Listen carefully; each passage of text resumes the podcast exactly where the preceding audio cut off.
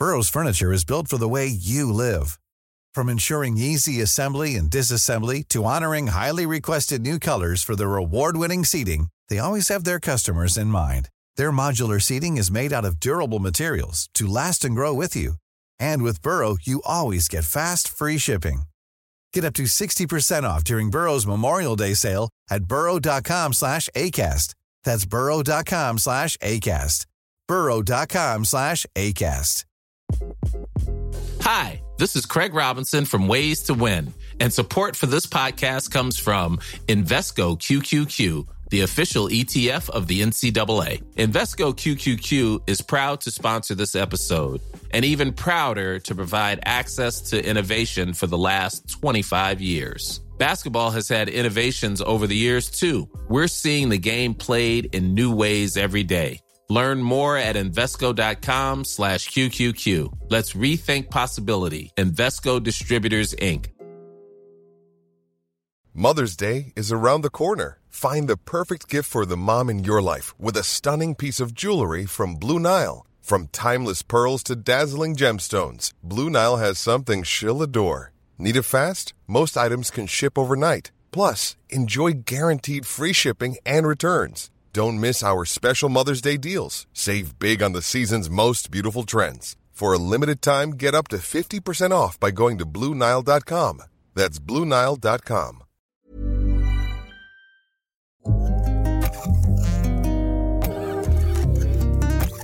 Vi befinner oss på Björkefors herrgård strax utanför Sunne, hemma hos Sven-Göran Eriksson. Torbjörn Nilsson och jag har åkt från Göteborg. Jag tänkte att vi ska börja med den resan, fast i andra riktningen. 1979, för ungefär 45 år sedan, så tog du tåget till Göteborg, Svennis, för att bli Blåvitts nye tränare. Ja, det stämmer att jag gjorde och eh, jag var väldigt, väldigt nervös inför det att jag skulle träffa spelarna. För det var ju liksom inte vilka spelare som helst. Torbjörn hade ju kommit hem från proffsliv. Och så var väl Ove Kindvall med lite grann. Björn Nordqvist var med. Eh, Ralf Edström. Så de hade ju en helt annan erfarenhet än fo på, om fotboll än vad jag hade. Jag har ju spelat i division 2 på den tiden. Dålig högerback. och så hade jag tränat ett division 3-lag. Det var, det var allt jag hade i... Så jag satt ju hela vägen på tåget och skrev och... Men till slut tänkte jag, jag kör som i Degerfors. Jag kör samma grej. Så det, det, det kunde jag. Skulle jag gett mig in på andra saker så tror jag att jag hade stått på blankis ungefär. Och det, ja, det blev väl förvånande tror jag för många men så småningom blev det väldigt bra. Hur var de första träningspassen med Sven-Göran Eriksson, Torbjörn? Vad tänkte du när han kom in som tränare där? Eh, när vi, vi hörde talas om att vi hade fått en ny tränare och vi hade möte på Kamratgården och jag glömmer aldrig när Svennis kom in. Vi, vi, vi, hade inte riktigt koll på om det var Sven-Erik Göransson eller Sven-Göran eller Sven-Erik. Så att, eh, jag ber om ursäkt om jag sa Sven-Göran eller Sven-Erik. det blev fel ibland. Eh, men eh, vi kom ihåg, jag kommer ihåg han kom in och han pratade lite om fotbollen och vi tittade på denna. Han såg ut som en liten blyg pojk med, med en täckjacka kommer jag ihåg att han hade på sig också. Och så sa du på slutet sa du så här, men vi ska inte springa i skogen. Och det kommer jag ihåg att du sa. Ja, nej, vi var aldrig i skogen och sprang, det var vi inte. Eh, om vi sprang så sprang vi korta distanser på, på plan helt enkelt. Typ eh, snabbhetsträning och lite uthåll, och uthållningsträning. Utan det var ju mest med boll. 90, 90 procent var med boll. Vilka är dina första minnen av Torbjörn Nilsson? Ja, på träning var ju Torbjörn outstanding. Det var ju det bästa jag sett någon gång. Han gjorde precis vad han ville med bollen och dribblade av folk och det var mål och så vidare. För, för matcher var han inte lika bra. Uh, han borde, tyckte jag, göra bättre ifrån sig på matcher. Jag kände att jag, jag har inte mer att ge, jag vet inte vad jag ska göra. Det var då Billy Railo kom in i bilden. Ja. Så jag frågade Torbjörn om han ville träffa en norsk idrottspsykolog. Han var nog en av de främsta och en av de första också tror jag. Han skrev en bok, Bäst när det gäller. Och Torbjörn sa ja och eh, bara några månader efter det så var han Europas bästa forward. Jag kom hem från misslyckat eh, proffsäventyr då från PSV och spelade ett år eh, hemma med Hasse Karlsson som inte var en dålig tränare men eh, på något sätt så, så, så kände jag att eh, jag stod stilla och stampade på, på och så var det några spelare som var, hade större namn i mig vilket gjorde att jag inte iklädde mig den kanske kostymen som jag kunde egentligen. Så att eh, när 1979 och det här Svennis eh, kom upp med det här namnet då, Ville Railus, och det var ju bara att tacka ja till det. Jag, jag, jag är väldigt nyfiken som människa. Så att eh, det var bara att hoppa på det tåget. Jag såg en beskrivning av er relation som jag fastnade för. Att du då Svennis eh, Eh, förstod dig på och respekterade Torbjörns sårbarhet som människa lika mycket som hans storhet som spelare. Är det är det, det du beskriver? Eller? Torbjörn var ju, för att vara så bra, så var han ju väldigt ödmjuk, väldigt blyg nästan. Skulle jag vilja påstå. Och eh, ja, det var som jag sa, på träningar. Han vände ut och in på allt som fanns i motståndarlaget när vi spelade. Men det stämde inte i matcher helt enkelt. Och när det inte stämmer och som Torbjörn säger här, det var ju stora namn i den klubben. Kindvall och Nordqvist och Ralf Edström. Och, så att eh, det var kanske inte så lätt att vara på topp, eller vara den bäste. Men han blev den bäste, mm. garanterat. Var det nytt för dig med en tränare som engagerar sig på det sättet eh, för dig, Torbjörn? Jag hade haft en tränare i sex år som heter Nisse Bergam som har betytt väldigt mycket för min muskulära utveckling. Mm. Eh, så att det är jag väldigt tacksam för. Men eh, Svennis var på, en helt annan nivå som ledare. Och, och taktiker och, och förstod sig på spelet. Vi, vi kände ju direkt efter två veckor så kände vi att det här är ju, det här är ju våran man. Kände vi. Det går ganska fort när du får en tränare du känner som pratar spelarnas språk men som du ändå känner har du, du har respekt för. Och vi skulle aldrig på något sätt eh, missbruka det, den förtroendet. Du var ju ny förhållandevis som, som tränare där, Svennis, eh, eh ändå. Alltså är du, var du självlärd eller var kom eh, de här insikterna om att hantera spelare på det sättet ifrån? Ja, jag var ju biträdande tränare till Tord Grip i U21-landslaget och mitt första år i Degerfors, division 3 på den tiden då. Eh, så han, det lärde jag mig fantastiskt mycket. Sen hade det ju kommit två engelsmän till Sverige, Bob Houghton och Roy Hodgson. Och vi var nyfikna så vi blev lite vänner med dem, Tord och jag. Och de var ju extremt, eh, ja, väldigt extremt i det de gjorde. Liksom en lång boll, det skulle alltid vara en lång boll, fick aldrig vara en kort och så vidare. Men Tord och jag, vi tog, tog intryck från de här två. Och sen så Tord och jag började vi på, vi kan inte slå bollen långt varenda gång. Försöka spela via mitten. Så IFK var det mycket långt första året. Men det blev lite bättre andra året om du tänker på längden på passningar. Blev mer via mitten. Vad tänker ni om er fotbollsframtid där och då? Vad har du för drömmar och tankar där Svennis, när det här börjar 1979?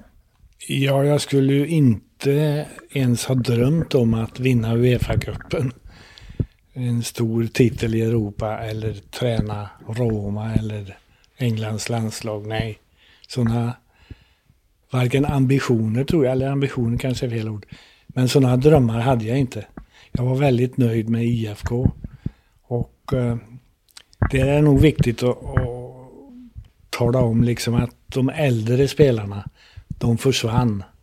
Den sista äldre som försvann var det Ralf Edström.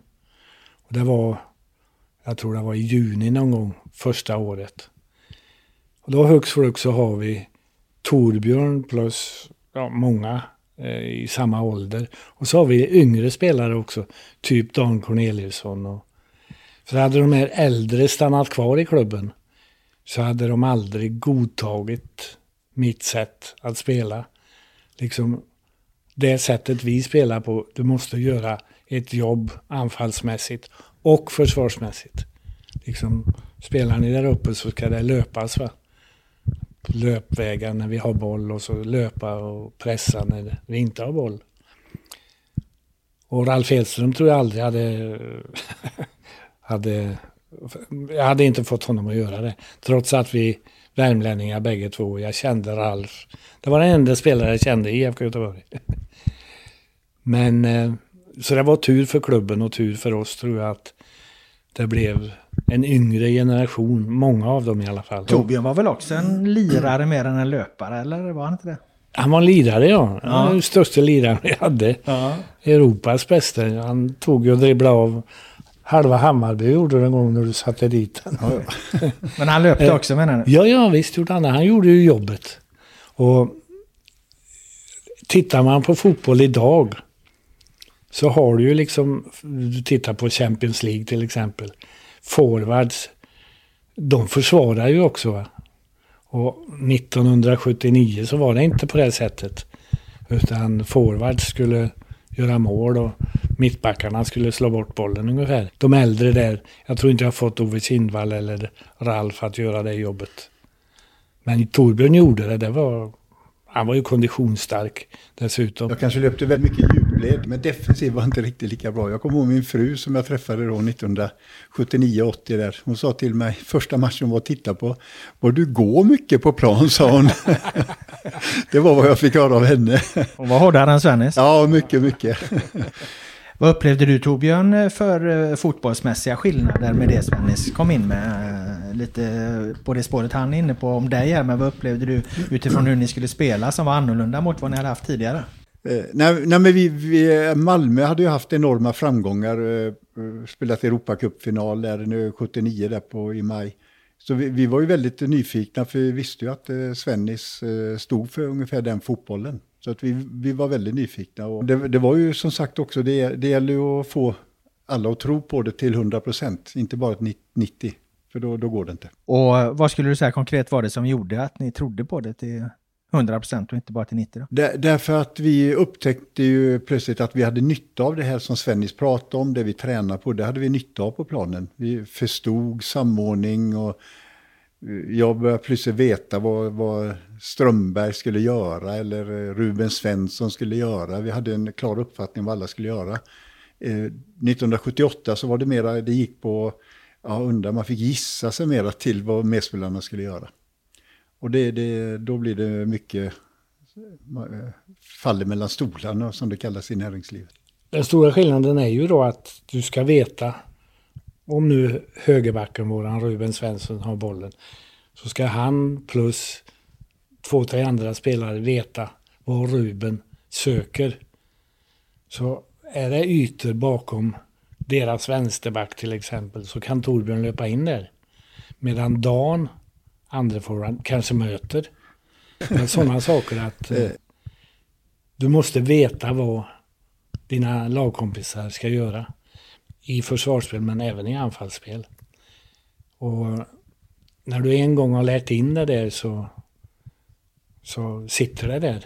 Samtidigt så pågick ju en, en större fotbollsdebatt i Sverige runt omkring er då, det som har kallats för den här systemstriden då, att Sveriges förbundskapten på den tiden, Lars Laban Arnesson, han vill ju att landslaget ska spela enligt en mer tysk modell med trebackslinje och man-man-markering. Och han ville, ville ju att alla lag skulle spela så i Sverige. Jo, det ville han ju och han gav ju till och med ut då några A4-ark där han beskrev hur svensk fotboll skulle spelas av alla klubbar ville han. Speciellt allsvenska klubbar. Så han ville ju ha samma system för landslaget då va. Och han hade ju tränat Öster med stor framgång. Han vann ju SM-guld där tror jag en eller två gånger. Jag kommer inte ihåg men. Och de spelar ju man-man. Men jag tycker synd om Laban, liksom att han ledde landslaget under en tid då Malmö FF och IFK Göteborg var storlag. Inte bara i Sverige utan i Europa.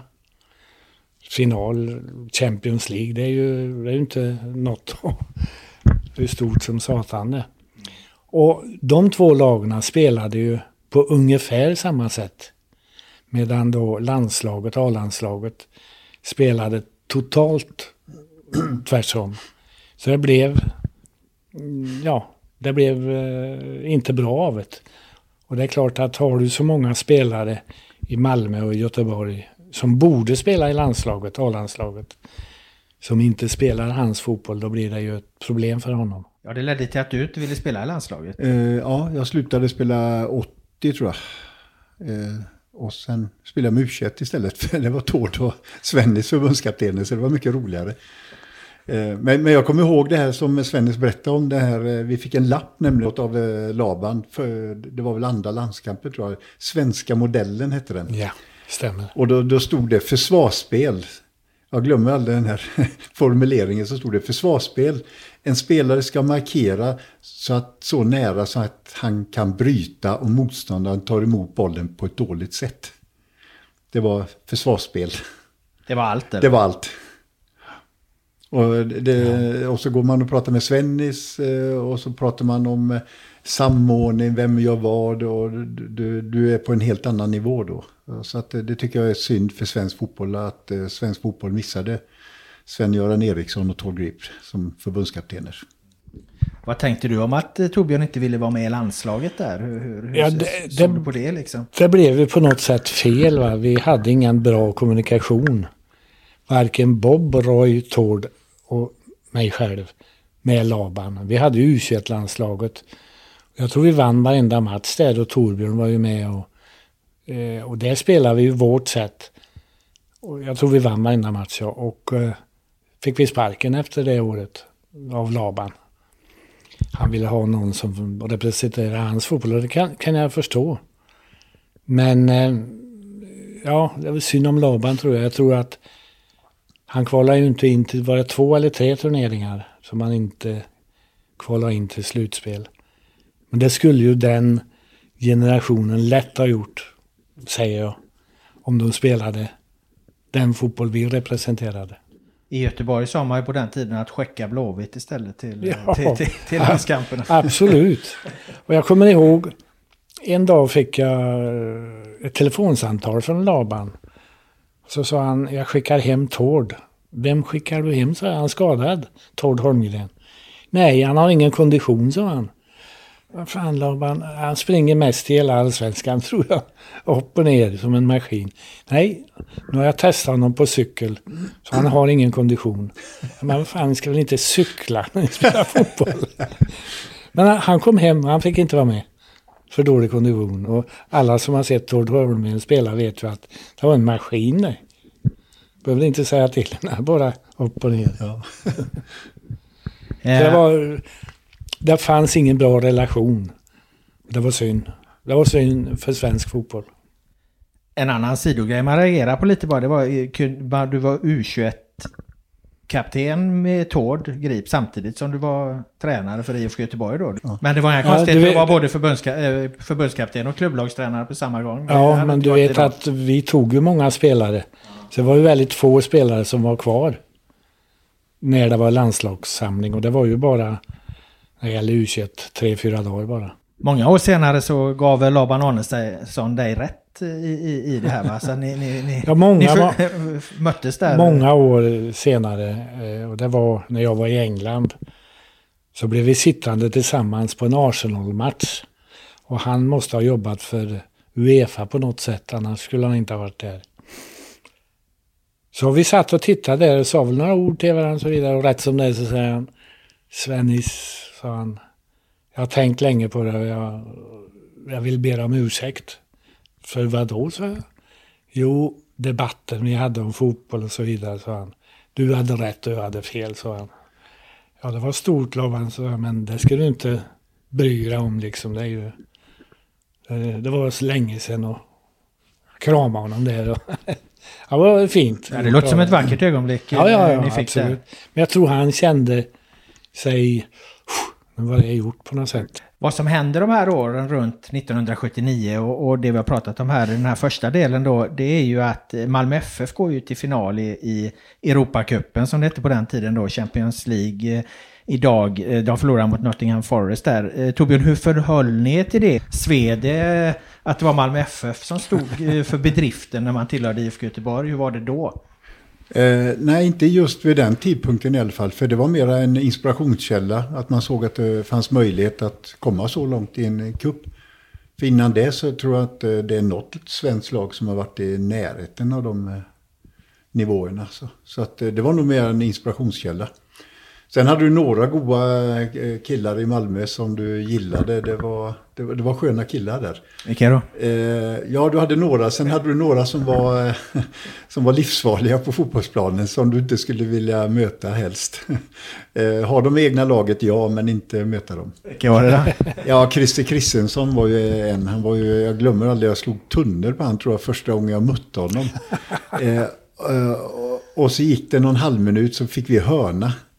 Och då kommer Kristensson fram till mig så tittar han mig i ögonen och så slår han så här på fingret på bröstet så han Du, det gör du bara en gång pågajävel, säger han. och jag kommer ihåg mitt hjärta, jag gick upp i 180 puls där.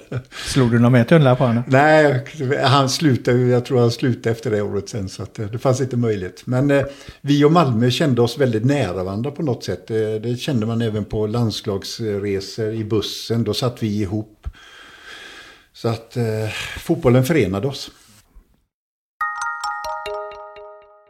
Hej, Kalle Berg heter jag och varje morgon sänder vi Nyhetsshowen, en podd från Göteborgs-Posten. En man som äger en yacht och därför har ett yattägarnamn, Werner Schaufelberger. Men du, nu ska vi prata om varför alla är arga på Lena Andersson. Konferensen beskrevs som en konspirationskonferens. Var två komplicerade ord att säga efter varandra. Komplikation. Lyssna på Nyhetsshowen måndag till fredag i din poddspelare eller live från klockan sju på gp.se. Hur var, hur var stämningen i Göteborg eh, på den här tiden när du tar över med, med supportrar och så? Hur minns du och upplevde du liksom intresset för IFK Göteborg när ni påbörjade den här resan i, i slutet av 70-talet och början av 80-talet?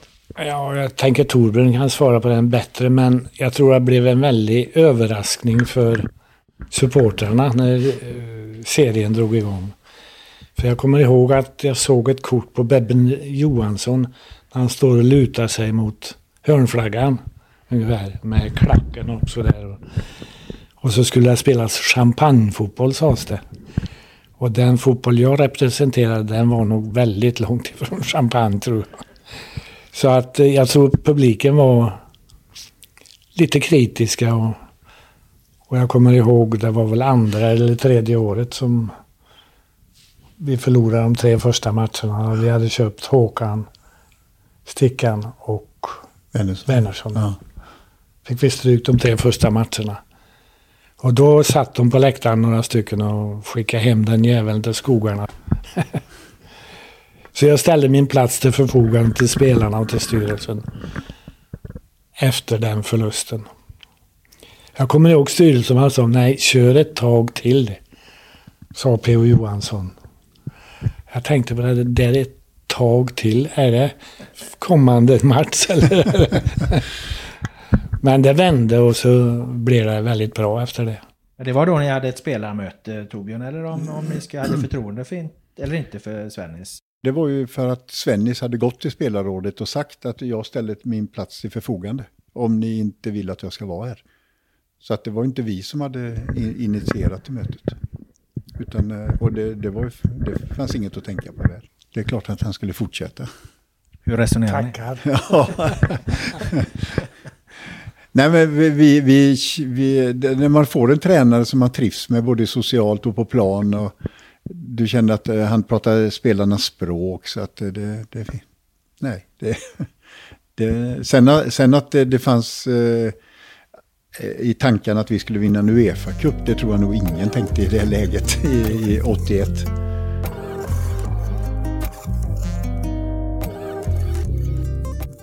IFK Göteborg kvalificerar sig till Uefa-cupen via en tredjeplats i Allsvenskan 1980, fyra poäng bakom Östers IF.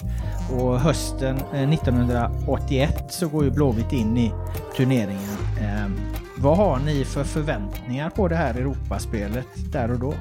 Ja, det var ju väldigt roligt att få vara med. Vi hade ju något år innan missat eh, kvartsfinal tror jag i cupvinnarcupen. Vi åkte ut med dunder och brak mot eh, Arsenal. Vi var för små och för dåliga, eller för dåliga. Vi var inte nog bra. Så nu var det då ett nytt försök i Uefa-cupen och ja, såg ju fram emot det men jag tror inte det var någon som tänkte på att vi skulle nå finalen i maj. Det tror jag inte. Sen när lottningen kommer, det var ju spännande. Eh, Det lyssnar man ju på liksom.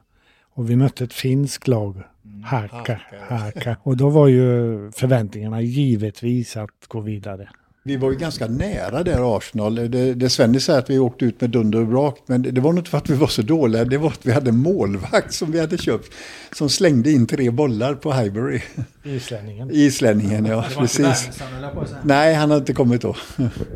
Eh, Så att vi var ju ändå där och nosa, men jag kommer ihåg efter Haka på bortaplan som var första matchen var vi arga på Svennis. Eh, Han hade, det var precis som vi skulle möta Real Madrid. Så vi var så arga på honom för han hade sagt att de var så jäkla bra. Varenda spelare var ju världsspelare där i Haka. Och så märkte vi att de var ju inte alls bra. Jag tog nog i lite för mycket där kanske. Ja, ja så att han, han sa ju det, där vi, ja, jag gjorde det mest för att inte vi skulle underskatta dem. Men litar man på det igen sen då? Nästa gång han säger så? Eller han kanske inte sa så någon mer gång? Nej, det gjorde han inte. Nej, men det var ju finska Haka, österrikiska Sturmgras och Dinamo Bukarest från eh, Rumänien då. Eh, ni går ju inte mållösa från någon enda match där under hösten. Ni förlorar inte. Eh, Men det jag kan säga bara, eh, det var väldigt nära, vi åkte eh, på väg att åka ur. Vi mötte ju Sturm Graz där andra omgången. Vi spelade 2-2 borta och 2-2 stod det hemma. Och det är bara ett par minuter kvar. Så får jag bollen i straffområdet och så är det någon som kapar mig. Så vi får straff. Och österrikarna blir vansinniga på, på, på domaren då. Eh, och vi, vi tänkte det var ju solklar straff. Sen ser vi på Sportnytt senare på kvällen, för det fanns ett SVT Play då. Så ser vi då är det Stig Fredriksson som kapar mig i straffområdet. Han, han ska försöka ta bollen och råka kapa mig. Så att eh, vi fick straff tack vare Stig Fredriksson eh, mig. Och ni skulle inte haft den straffen? Nej, vi skulle inte haft den. Det kunde blivit förlängning och straffa. Så att man ser det, det var på en skör tråd där. Men eh, på, på något sätt var vi ändå på väg kände vi. Stig missar inga straffar. Nej, det är sant. Nej. Vi blev ju givetvis bättre och bättre. Och det som höjdes för varje vinst där i Uefa-cupen, det var ju självförtroendet. Så liksom när vi spelade semifinal och final, då, då var ju spelarna övertygade om att vi skulle klappa dit Hamburg och, och så vidare. Kaiserslautern. Jag tror inte jag har gjort så mycket utan det var deras förtjänst att spela så bra så vi vann de här matcherna. Nej, men det, det är ju alltid en... Vi, vi, vi trivdes ju med, Svennis. Vi visste i halvlek, vi litade på honom. Det han sa var riktigt. Och det finns många tränare som står i halvlek och säger floskler bara. Men eh, det gjorde aldrig Svennis på, på något sätt. Så vi, vi spelar ju för honom. De här spelarna du har här eh, i början av den här eh, Uefa-cupresan Svennis, är de annorlunda att hantera än de du senare kommer träna i Benfica och Lazio och Englands landslag? Nej, vår styrka var ju individuellt skickliga spelare givetvis. Men också ett system som fungerade. Och det nästan fungerade bättre utomlands, liksom, för de var inte alls vana att möta ett lag med den stilen. Eh, och sen, vi, vi bytte aldrig organisation eller system. Va? Och det var jag nog lite dum tror jag ibland. Till exempel om jag skulle byta ut en forward. Så det slog mig aldrig att jag skulle kunna sätta in en defensiv mittfältare. Om vi leder med 1-0 och det är tre minuter kvar. Nej, ut med en forward och in med en forward. 4-4-2. Press och understöd, det var liksom bibeln. Och alla kunde det ju så att det kanske var bra att inte byta. Men det, det, var- det, det var precis som det gav en signal till oss att vi behöver inte fem i backlinjen eller fem på mittfälten. Så att det, var, det var en bra signal också. Allting som har en nackdel har också en fördel. Så att jag, jag tror att det stärkte oss att vi bytte forward mot forward. Inför Valencia då i kvartsfinalen så är ju den matchen framförallt känd för att hela Blåvitt håller på att gå i konkurs samtidigt. Eller pengarna är ju i alla fall slut. Och för att ni överhuvudtaget ska kunna åka till Spanien så ställer ju sponsorn SKF upp med ett, ett snabblån. Vi var, tror jag, i Southampton. Mm. På en grusplan nästan. Spelade vi en träningsmatch innan vi åker därifrån till Valencia. Och Torbjörn tror jag gjorde fyra mål i den matchen. Så när, när jag kommer in i omklädningsrummet så är Southamptons tränare före mig in i vårat omklädningsrum. Så säger han, vad kostar Torbjörn Nilsson? han är inte till salu, sa jag. Det var det värsta han har sett. Han satt på bänken. Vi spelade 4-4 mot dem tror Ja, jag. jag Du gjorde ihåg tre eller fyra mål. Ja, det är möjligt. Jag har glömt av det. Han ville köpa han på, på Han ville köpa honom direkt. Och det var en känd tränare dessutom. Eh, hur var frågan? Det var eh, om ni märkte av turbulensen, att det inte fanns några pengar. Alltså. Och jag tänkte, vad fan om ni nu ville köpa eh, Torbjörn där, så inte sålt han, så hade ni fått ihop pengarna. Ja. du jag kanske fick- inte jag- sa det till ledningen i och för sig. Jag fick ett telefonsamtal när vi är i Southampton och då ska vi flyga till Valencia. Och då, jag kommer inte ihåg om det var Bertil Westblad eller vem det var, som sa att vi kommer inte, vi har avgått. Tre eller fyra stycken som har avgått. Ja, sa jag, "Mm, vad ska vi göra då? Jo, vi skickar en bankman. Och det var nog där de fick lån. Och så skickar de Loket. Leif Loket Olsson, Jajamän. lokaljournalist Ja, ja, ja. Så på den tiden, så kvällen innan match, så var det alltid ledarmiddag. Det var, ja, så var det jämt. Så bankmannen blev eh, kassör och eh, Loket blev ordförande för IFK Göteborg. på den ledarmiddagen. Vi visste att det var bråk i styrelsen om, om pengar och varför det fattades pengar och så vidare. Men eh, hade det styrelsemötet eller årsmötet varit eh, två veckor senare så tror inte jag det hade hänt eftersom det var 50 000 som kom sen för att titta på Valencia. Så att där räddade väl ekonomin upp sig. 2-2 borta och, och, och eh, 2-0 hemma. Och det här är ju en, en skalp som smäller riktigt högt då jämfört med de tre tidigare ni har spelat. eh, Då att ni besegrar Valencia som är ett stort lag. Eh, förvånades du på något vis över prestationen Svennis eller att ni klarade Valencia? Jag var inte förvånad över någonting längre tror jag. Nej, det var ju vårt sätt att spela fotboll. För vi fick låna eh, Valencias träningsanläggning, kommer Ja. du ihåg det? Vi var där i två, Ja. tre dagar och tränade. Massa apelsiner, Ja, apelsinlundar. ja, just det, det var det. Så de lånade ut den till oss liksom och det skulle de inte ha gjort om de hade trott att det blir besvärligt. Det trodde de inte. Så på en av träningarna så kom Frank Arnesson som spelade i Valencia till mig och så, så sa han jag tror att ni vinner det här. Ja, sa jag. Det. Vi får se. Då sa han till mig, jag pratar med tränaren, jag pratar med vi, eh, andra tränaren, jag pratar med sportdirektören. Om vi inte gör bättre ifrån oss, om vi spelar på samma sätt som vi brukar göra, så förlorar vi mot Göteborg, sa han. Då sa de, men de har ju ingen teknik och det går långsamt och det ena med det andra. Så efter matchen, andra matchen så kom Frank Arnesson igen. Precis vad jag sa till dem. För vi är inte vana att spela. Vi är vana att ta bollen och vi har tid på oss. Men det fick ingen tid mot IFK Göteborg. Så det är tränarens fel sa han att vi åker ur. Hur märkte ni det här eh, på planen? Eh, Märkte ni att de motståndarna var överraskade av ert sätt att spela Torbjörn, eller? Eh, speci- ja, speciellt Valencia. Där, där får man ju ta emot bollen eh, utan att de får press på sig. Så att det... Men, men ehm, eh, jag, jag tror att eh, de, de var ju väldigt bra lag Valencia. För jag tror de vann cupvinnarcupen tror jag. Året innan eller om det var året efter. Så att, eh, det var ju ett väldigt bra lag. Men eh, det var nog lite med att de inte trodde på att vi skulle ha en chans mot dem. Andra matchen hemma, det, det var nog bland det bästa vi har gjort. För jag tror inte de hade en målchans, Valencia. De försökte och försökte, men de kom inte till målchans.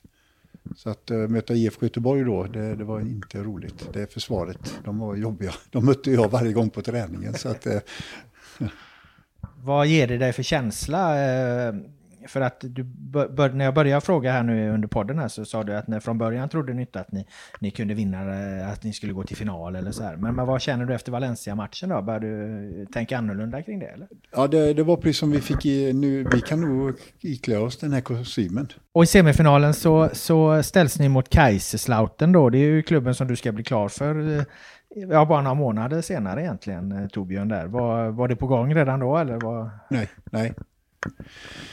Det var, det, var, det var lite snack om, eh, jag vet att eh, det var en ledare från Liverpool som åkte med oss och tittade. Eh, men Liverpool... Tom Sanders. Tom Sanders, ja. Men Liverpool fick ju inte värva någon om de inte var etablerad landslagsspelare. Så att jag var inte aktuell för dem. Jag vet inte vad han gjorde med. Du jag vet honom va? Ja. Han var nog en månad, nej, tre veckor kanske. Följde han laget. Han åkte i bussen med oss. Han tittar bara på en spelare, Torbjörn Nilsson. Och om jag inte tar fel så köpte de Ian Rush. Ian Rush, ja. Tog de. Ja, just det. Och inte Torbjörn. Ja, det var nog ett bra val. Nej, jag, jag, jag ställde frågan till ja. Tom Saunders.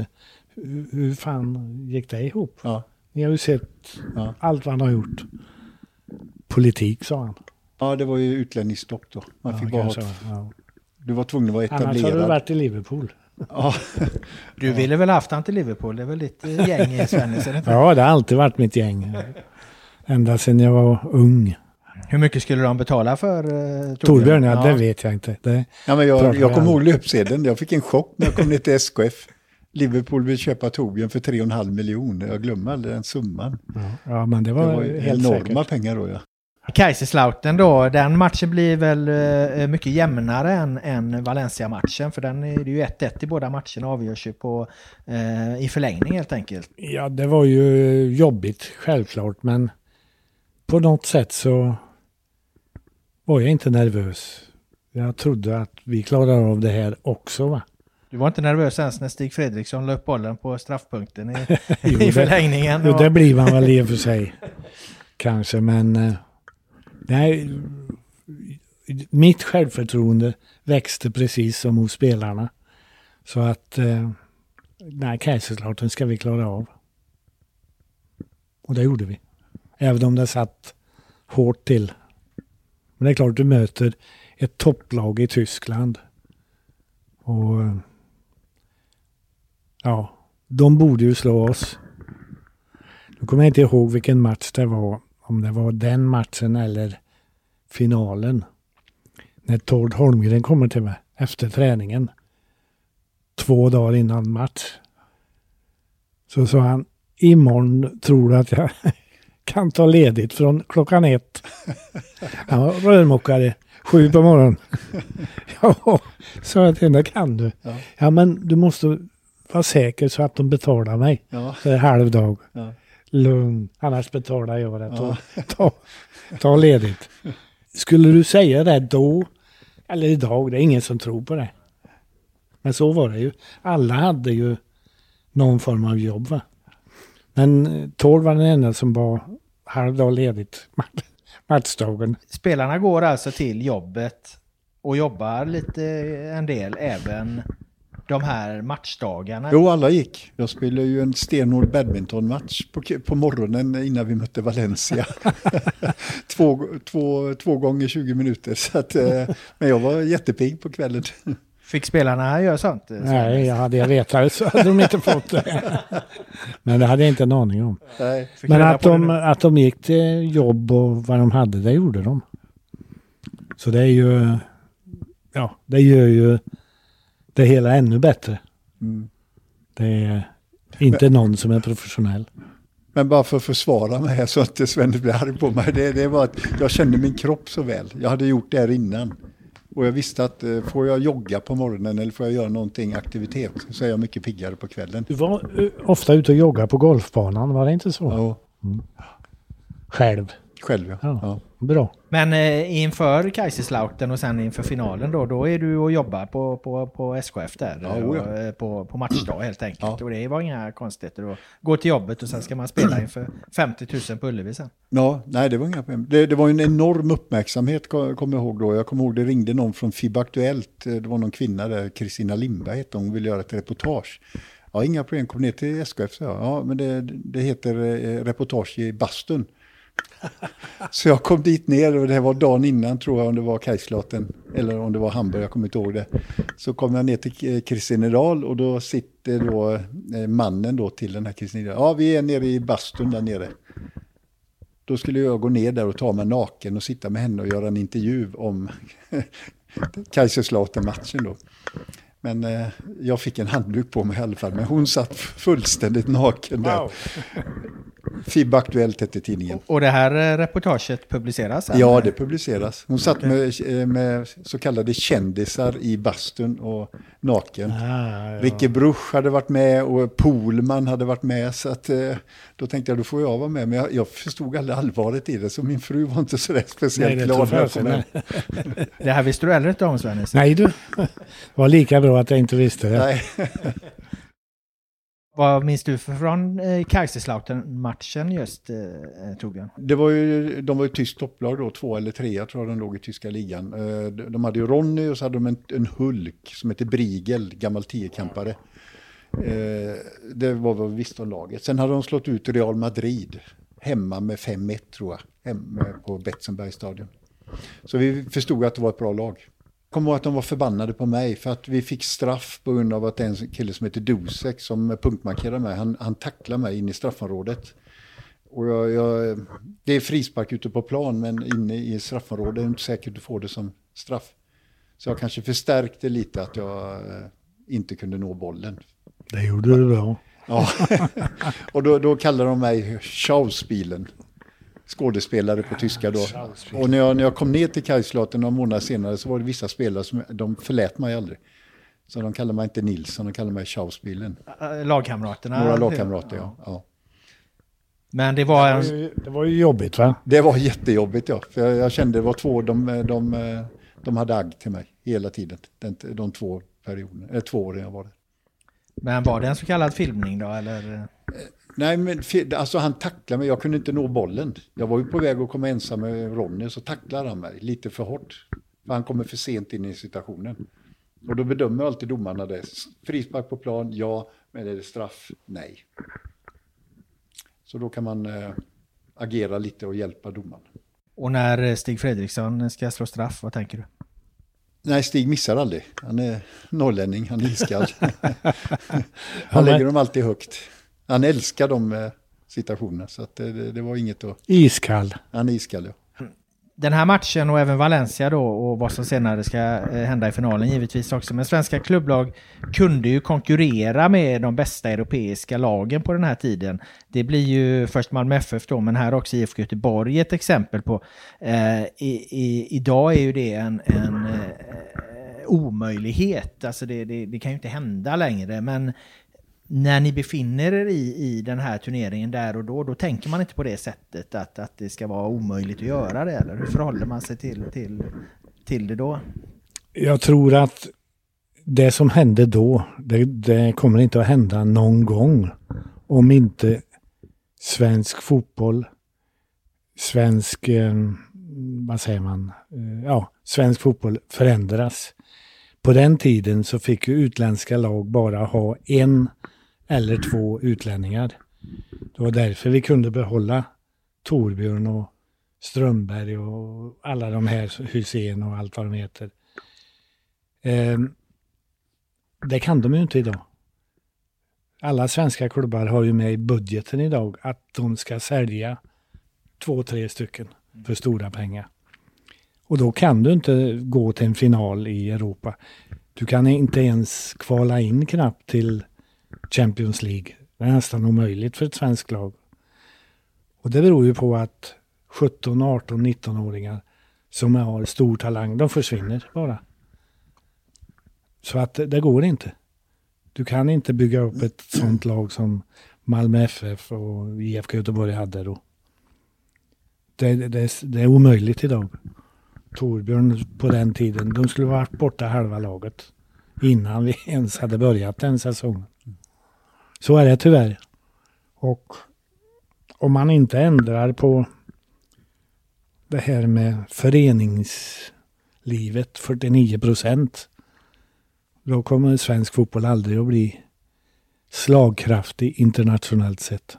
Du tror man måste riva upp den här 51%-regeln? För... Om jag är stormrik och vill sponsra ett lag. Men det gör jag inte med stora pengar om jag bara får 49 procent. Får jag 51, ja, då gör jag det. Men det är ju förbjudet. Så att eh, det retar många när jag säger så därför att föreningslivet är ju väldigt, väldigt starkt i Sverige va? och det ska man vara stolt över. Men just fotboll, får du inte in de stora sponsorerna, då kan du inte behålla 17-18-åringar som, som du kan avlöna på ett bättre sätt. Eh, om man tar ner det på planen, eh, Torbjörn, känner du att, ni, att det är ni som lag som är mycket bättre eller bättre än motståndarna ni möter? Eller känner ni även att ni individuellt är på, på samma nivå eh, den här eh, perioden? Eh, jag tror att vi kände att vi var på samma nivå. Det, det, det är så lätt när man har suttit och tittat på Tipsextra när man är 15-16 år och så ser sådana spelare. Och sen, sen när man ska möta dem så är det väldigt lätt att du får eh, hybris om jag säger så. Men eh, vi hade kommit så långt i vår utveckling så vi, vi såg dem som jämlika. Sen hade vi lite tur att vi inte kanske mötte något engelskt lag som spelar som oss. Men eh, vi hade kanske slått dem också, men de hade ju läst vårt spel om jag säger så. För det var ju kanske lite mer engelskt än internationellt. Vi överraskade ju väldigt många lag.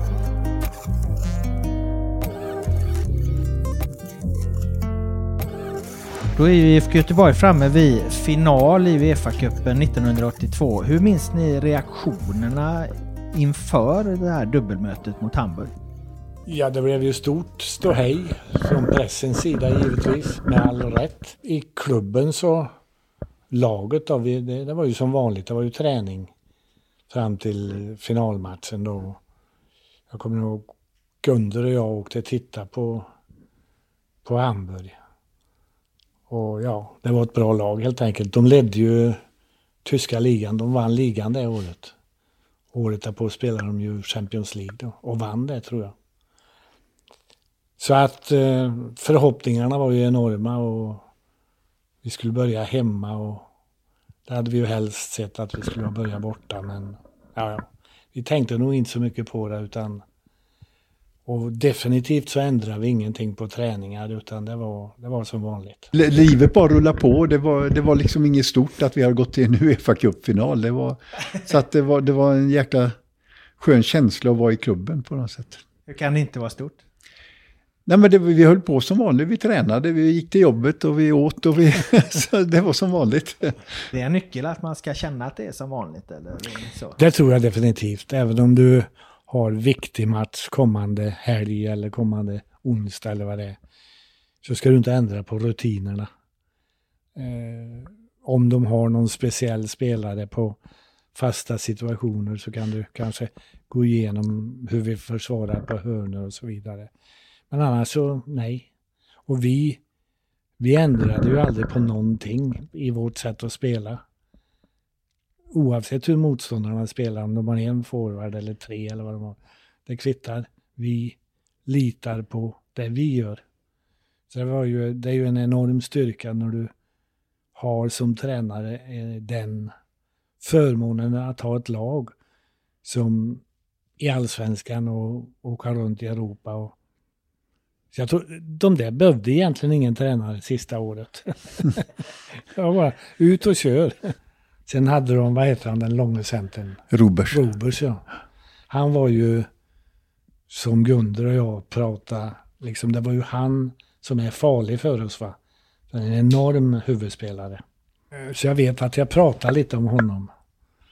Och då, om det var under genomgången eller strax efteråt, så sa Glenn Hysén, Svenny sa han, om han vinner en luftduell mot mig och Conny så ska jag bjuda dig på en middag. Behövde han bjuda dig på en middag?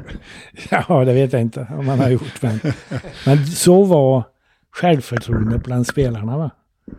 Så att, eh, och genomgången var definitivt inte annorlunda. Jag kan ha pratat om Robers lite. Vi mötte ju toppen av toppen.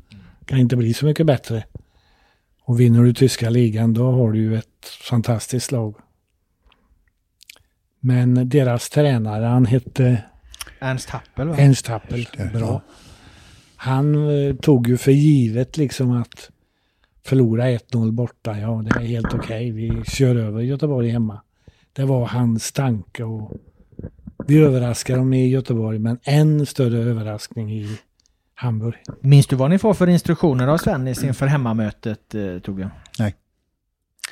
Ja, eh, det, det, var, det var som vanligt bara, utan vi pratade och, och det här att inte prata för mycket om motståndarna.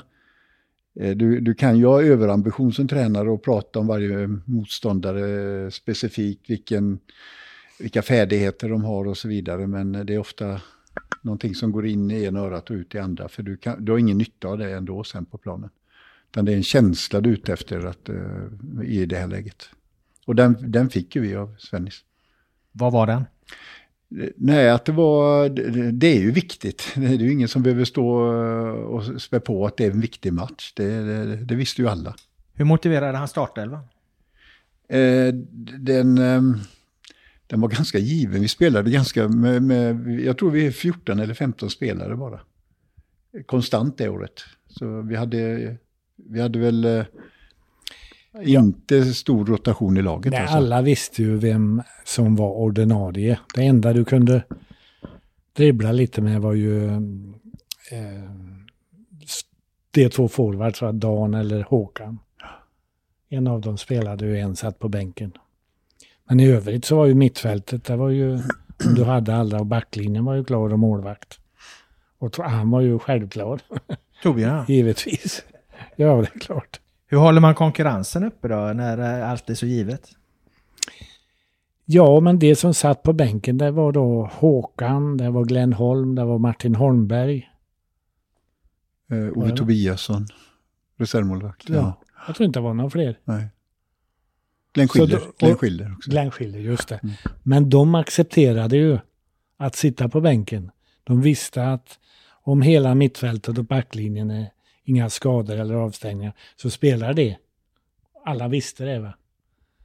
Sen, som jag sa, vi kunde ändra på Håkan eller Dan. Det var, det var det enda. Hur förhåller ni till regnet? För ni kommer väl ihåg den här matchen, eh, Hamburg hemma, att det var ett helvetes regnande i, i, i eh, Göteborg den dagen. Det går, ja. måste varit svårt att spela fotboll. Jag spelade bara 20 minuter. Jag blev skadad nämligen. Så att jag, jag, jag, jag låg inne i omklädningsrummet och tittade på resten av matchen. Så att... Du följde den på tv? Jag följde den på tv inifrån omklädningsrummet. Jag, jag fick en bensax av en av deras spelare så att jag fick en fli, Spelade bara 20 minuter? Ja. Jag trodde det var längre. Ja, det ser man. De, När de... förstår ni att Hamburg faktiskt är ute efter att skada er? För det var de väl, dig och Holmgren, Tommy Holmgren försökte de väl skada? Ja, de försökte skada oss ja. De, de hade en specialitet, det var de här bensaxarna bakifrån. Då är det lätt att något ben viker sig. Ja. Tommy kunde, kunde spela vidare men jag kunde inte göra det. Vad tänker du om det Svennis? Det är inte så jävla sportsligt kanske?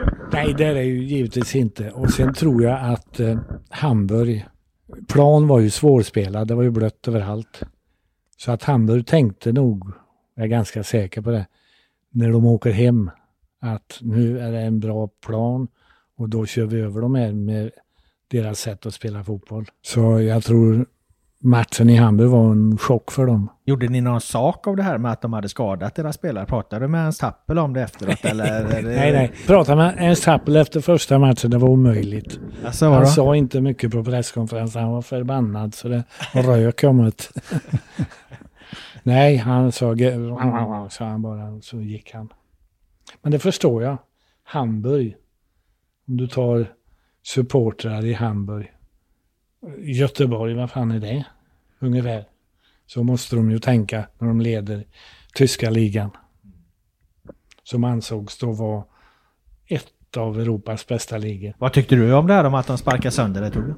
Eh, nej, det, det, det är ju lite taktik i det. Så att det, det, det har man väl varit med om förut. Sådana saker. Men du var helt klar för andra matchen?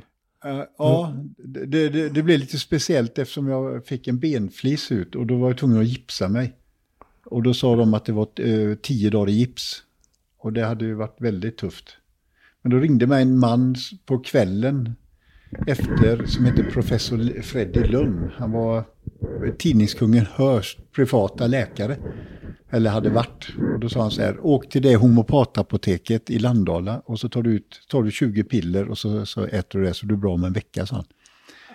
Och jag gjorde det. Men jag sa inget, det var en läkare, Ulf Lindeberger. eh, utan eh, det blev så. En vecka precis senare satt jag på Gamla Ullevi och tittade på en träningsmatch. Vi spelade en träningsmatch mellan finalerna.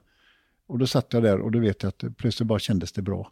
Och då tog vi av gipset nästa dag, jag och Dale Reese, och så kunde jag jogga på den. Suveränt. Vad var det för piller undrar man? Eh, det var homopatpiller, eh, jag har fått reda på det efteråt. Det stimulerar kalktillväxt. Tackar Torbjörn. Ja. Nej, men jag tror mycket på sånt där. Jag har alltid gått mina egna vägar när det gäller sånt där att bli frisk eller vad, vad kan man Ja. göra. Så att, eh, ren tur att han var hemma. Annars hade det nog varit tio dagar i gips eller tolv dagar. I första mötet där, enda målet i den här matchen, det gör ju Tord Holmgren, eh, den evigt löpande eh, centrala mittfältaren, framnickad av, av eh, eh, Glenn Hysén.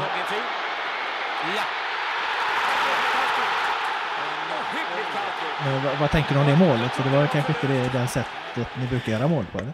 Jag vet inte vilken minut det kom i, men det var väl... Sent var det. Sent, ja.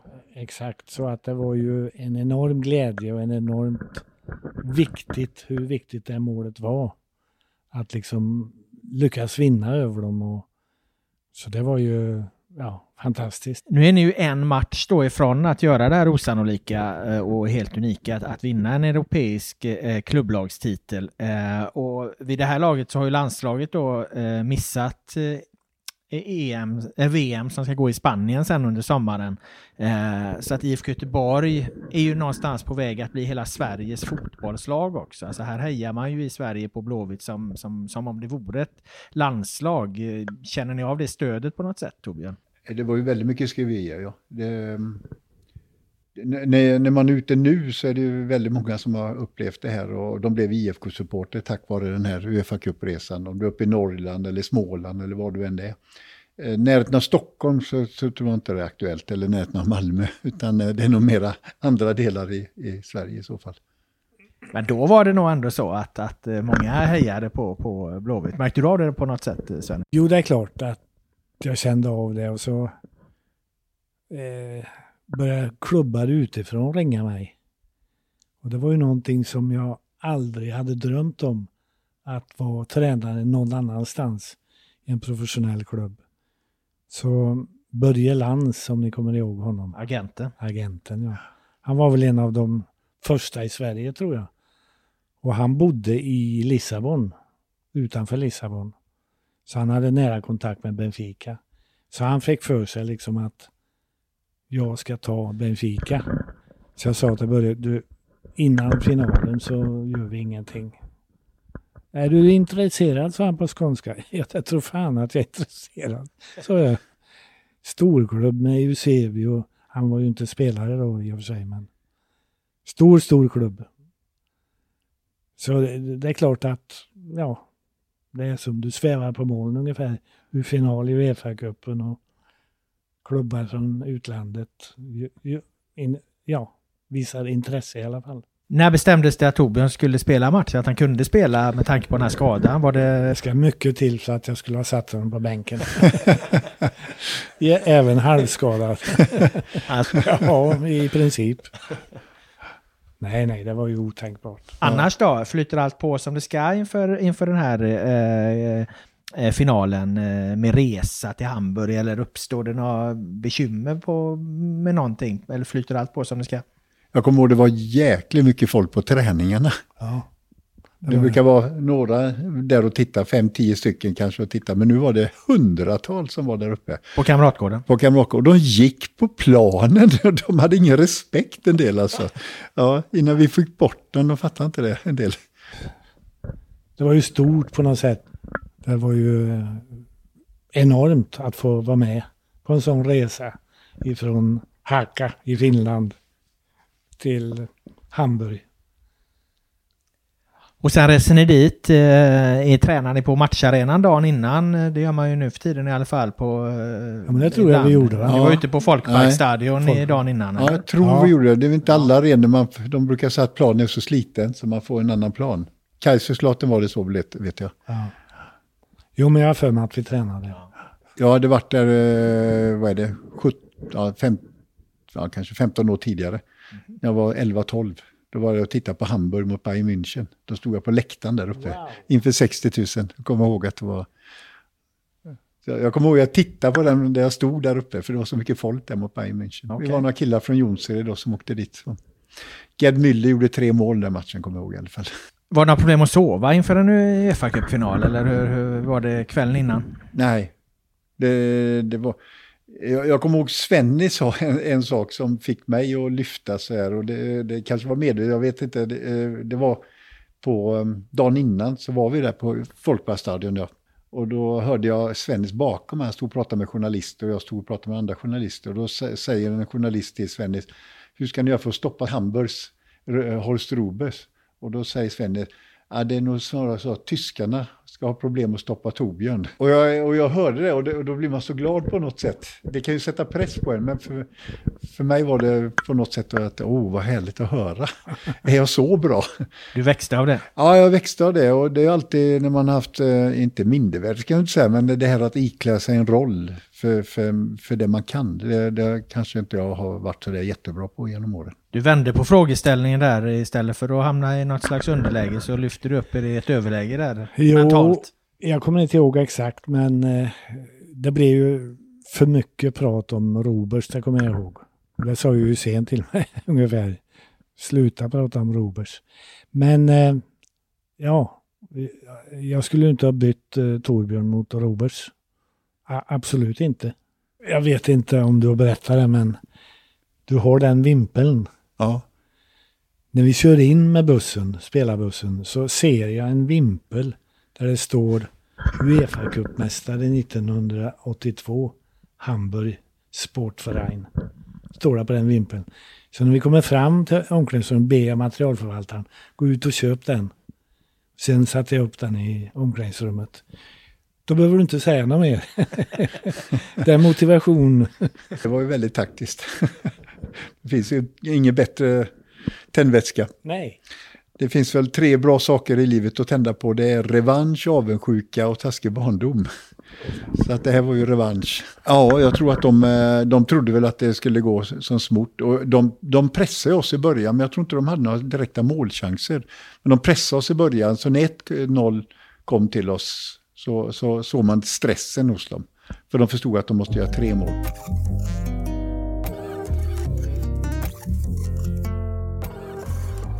Ni vinner ju den här finalen då med, med 3-0 och, och som du är inne på så är ni ju egentligen aldrig, aldrig nära att förlora den trots, trots att ni får ju tidig skada på Glenn Hysén och du, du måste byta, byta in Glenn Schiller där då. Ja, och Ruben mittback. Ja.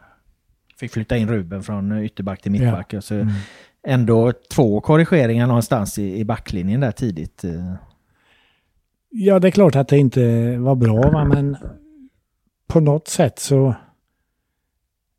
Jag som tränare tänker det borde inte betyda någonting.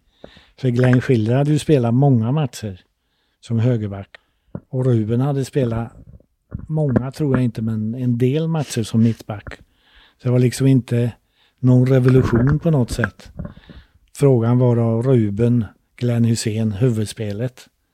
Men Ruben är förvånansvärt var bra huvudspelare. Spänst och inte samma styrka som Glenn men nej, det, det, det blev ju liksom ingen förändring. Eh, trots att det är Glenn Hussein som går ut. 1-0 målet där eh, är ju ett otroligt fotbollsmål. Eh, Jag vet inte, minns ni det i detalj hur det går till? Är det det som Dan gör? Japp. Ja. Jo, något uppspel och ett inlägg blir det tror jag. Vem, vem slog inlägget? Var det du? Nej, Tommy. Jag slog bollen till Tommy. Tommy. Ja, Tommy slog in. Ny rökbomb från läktarplats. Samtidigt som eh, Torbjörn Nilsson slår en lång, underbart fin boll till Tommy Holmgren. Corneliusson i mitten. Bakom kommer Jerry Karlsson. Där kommer ett skruvat långt fint inlägg till Corneliusson som skjuter i mål!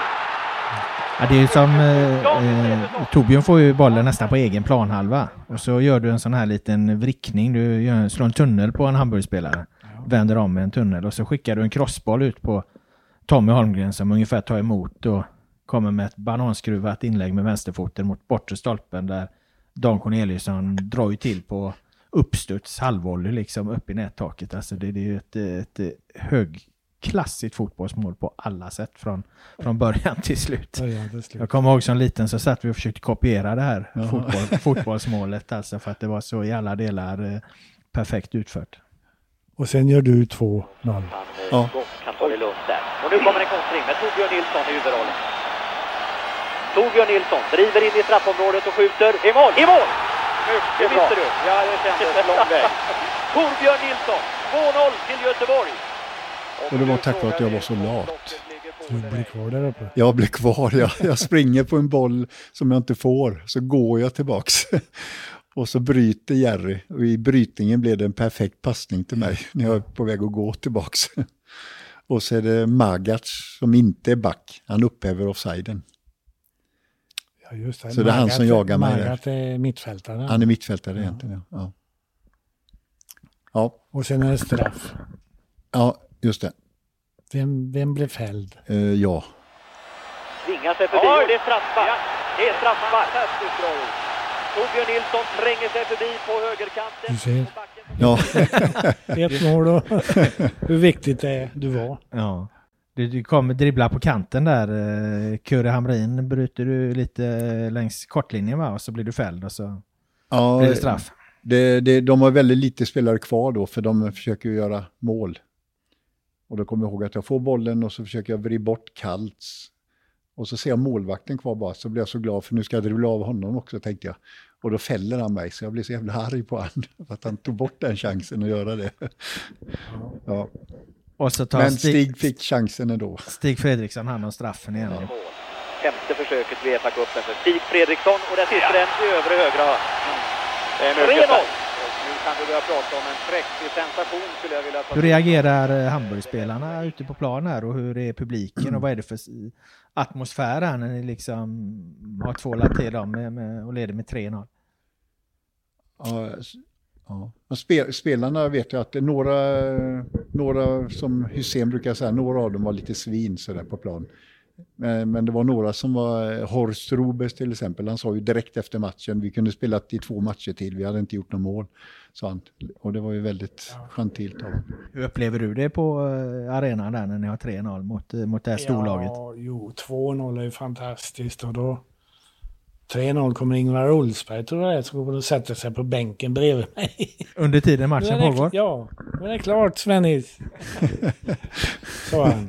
Flytta på det så är det inte klart. Nej, det, känslan är ju enorm. 2-0, fantastiskt. 3-0 och då inombords så känner du att omöjligt att de kan vända på det. 2-0, ja. Men det ska mycket till. Du kunde låtit Oldsberg sitta kvar där. Ja. Jo, då är man ju inte speciellt nervös, men lycklig. Det, vi var ju så fokuserade på matchen, men, men eh, Svennis gjorde ju det så enkelt för oss på, på något sätt att eh, han förstorade inte upp saker, utan eh, allting blev så naturligt. Eh, och det är ju det som är en st- storhet som tränare. Jag ser allt för många tränare som försöker sätta sig själv i första rummet. Men eh, det gäller, det gäller att hitta sin plats och Svennis var ju perfekt i, i den på något sätt. Vi, vi trivdes med han. Och efteråt då på slutsignal? eh, Jag tror alla kramar alla. Ja, alla kramar nog alla där, tror jag. Vi var så glada. Men där kände jag någonting då som på något vis, vis kändes orättvist. Och det var att eh, den styrelse som satt fick inte vara med på det. Va? Utan det var första gången som, vad heter nye ordföranden? Eh, ja, Gunnar Larsson, ja. Mm. som han in, säger någonting till laget. Då tar han bucklan, lyfter den. Den första han gjorde i IFK Göteborg. Sen har Gunnar varit fantastisk för det. Va? Men då kände jag, Så jag gick därifrån. Parentes egentligen, men det var synd om, om de som inte fick vara med. För jag tror att någon av dem till och med hade pank, eh, vad säger man? Pansat? Pansat ett hus. Vem det var, det vet jag inte. Tyvärr, men så, that's life. 3-0 till IFK Göteborg. Dan Corneliusson 1-0. Torbjörn Nilsson som springer igenom och gör 2-0.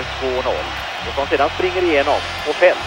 Och då slår Stig Fredriksson in 3-0. Sen skulle ju Glenn Strömberg gjort 4-0 och Torbjörn Nilsson 5-0.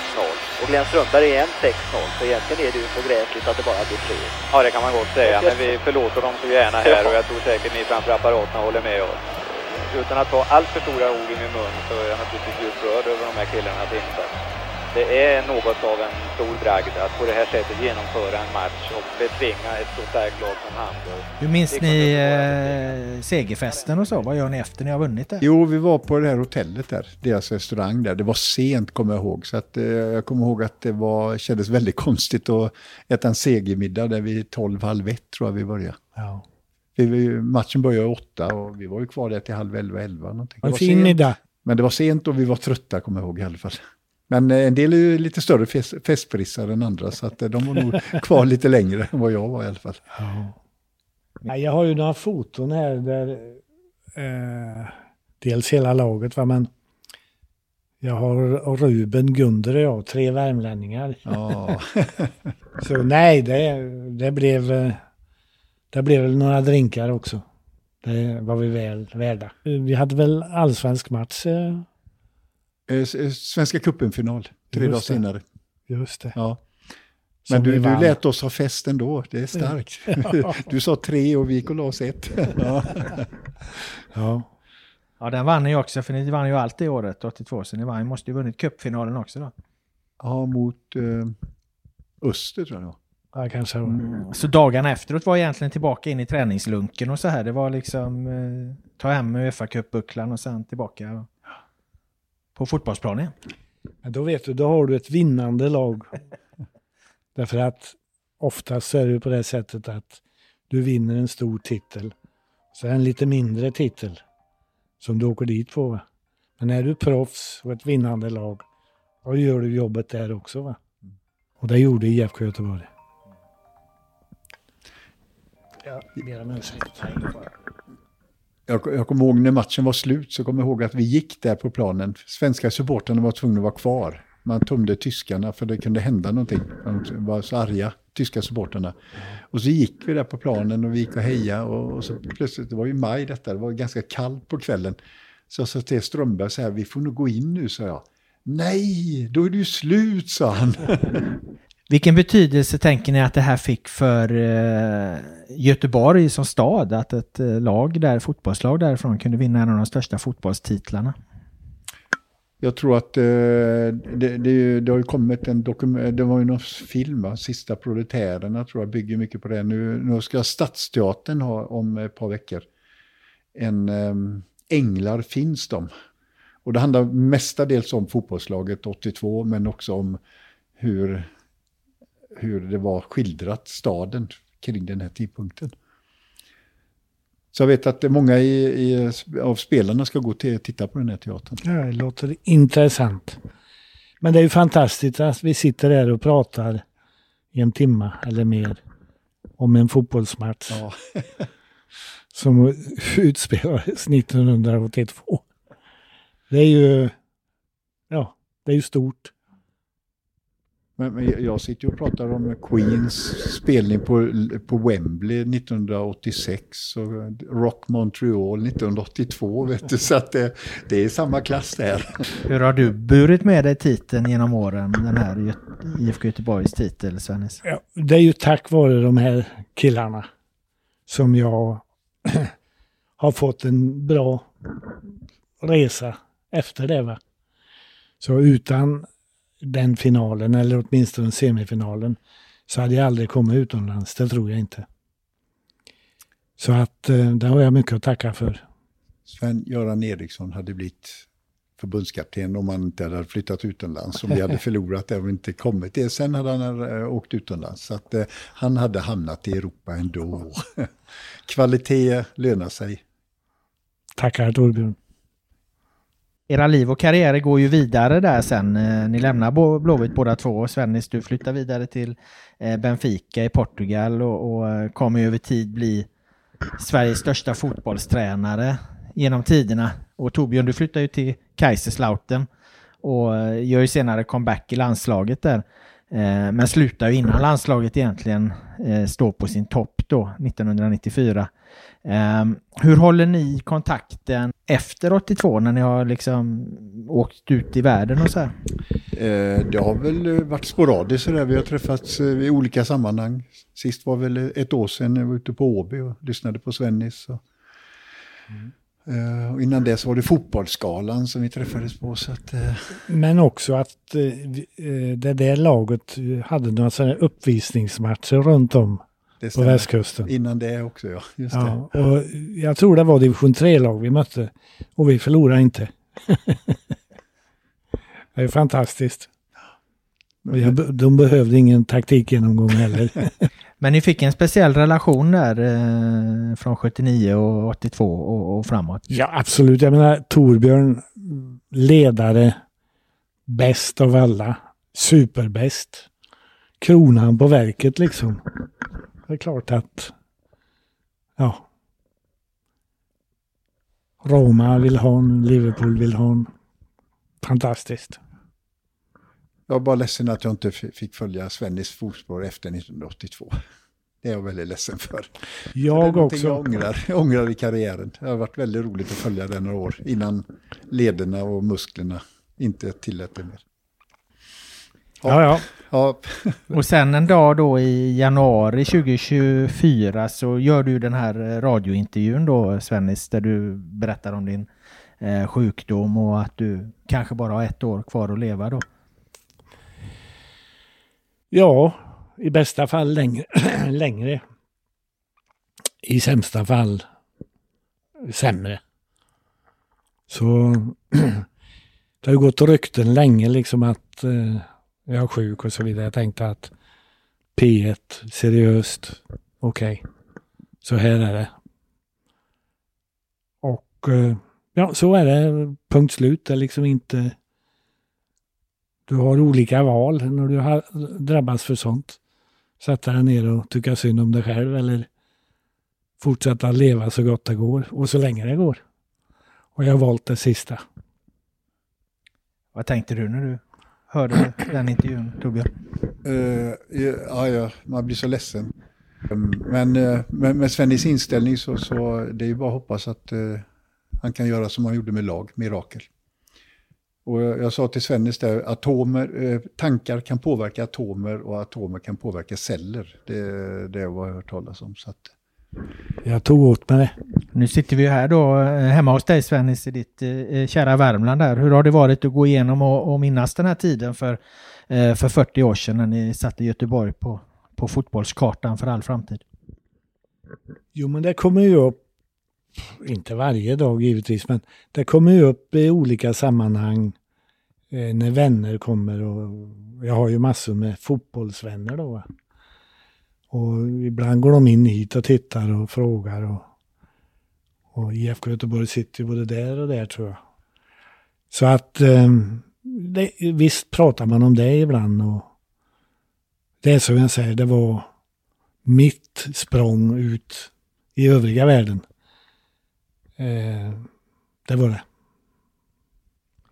Vilket är ditt eh, starkaste minne av Sven-Göran Eriksson från den här tiden eh, Torbjörn? hans sätt att vara på, på något sätt, den, den inger sånt förtroende och stabilitet. Och, så att, eh, det, det är ju det man tycker är så synd att, eh, att inte lag får dra nytta av det. det så att, eh, jag mådde väldigt bra i det ledarskapet.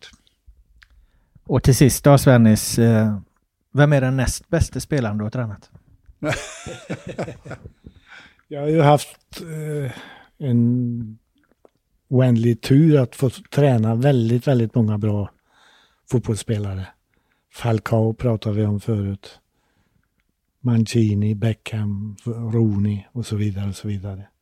Men jag har alltid sagt, Svennis gör de elva bästa.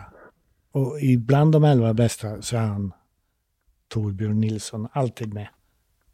Jag har haft tre spelare som är outstanding och lika eh, sorts att vara som människa. Och det är Torbjörn Nilsson, Roberto Mancini och Beckham. Oh. Samma typ av människa. Ja. Lågmäld, nästan lite blyg. Säger inte mycket men när du säger något, då är det allvar. Mm. Och fantastiska fotbollsspelare. Hey, it's Danny Pellegrino from Everything Iconic. Ready to upgrade your style game without blowing your budget? Check out Quince. They've got all the good stuff shirts and polos, activewear, and fine leather goods, all at 50 to 80% less than other high end brands. And the best part? They're all about safe, ethical, and responsible manufacturing. Get that luxury vibe without the luxury price tag. Hit up quince.com slash upgrade for free shipping and 365 day returns on your next order. That's quince.com slash upgrade. Tack. Och Ja. alltid redo att hjälpa de yngre. ja, tack. Jag är glad bara för att ha varit under dig i tre och ett halvt år.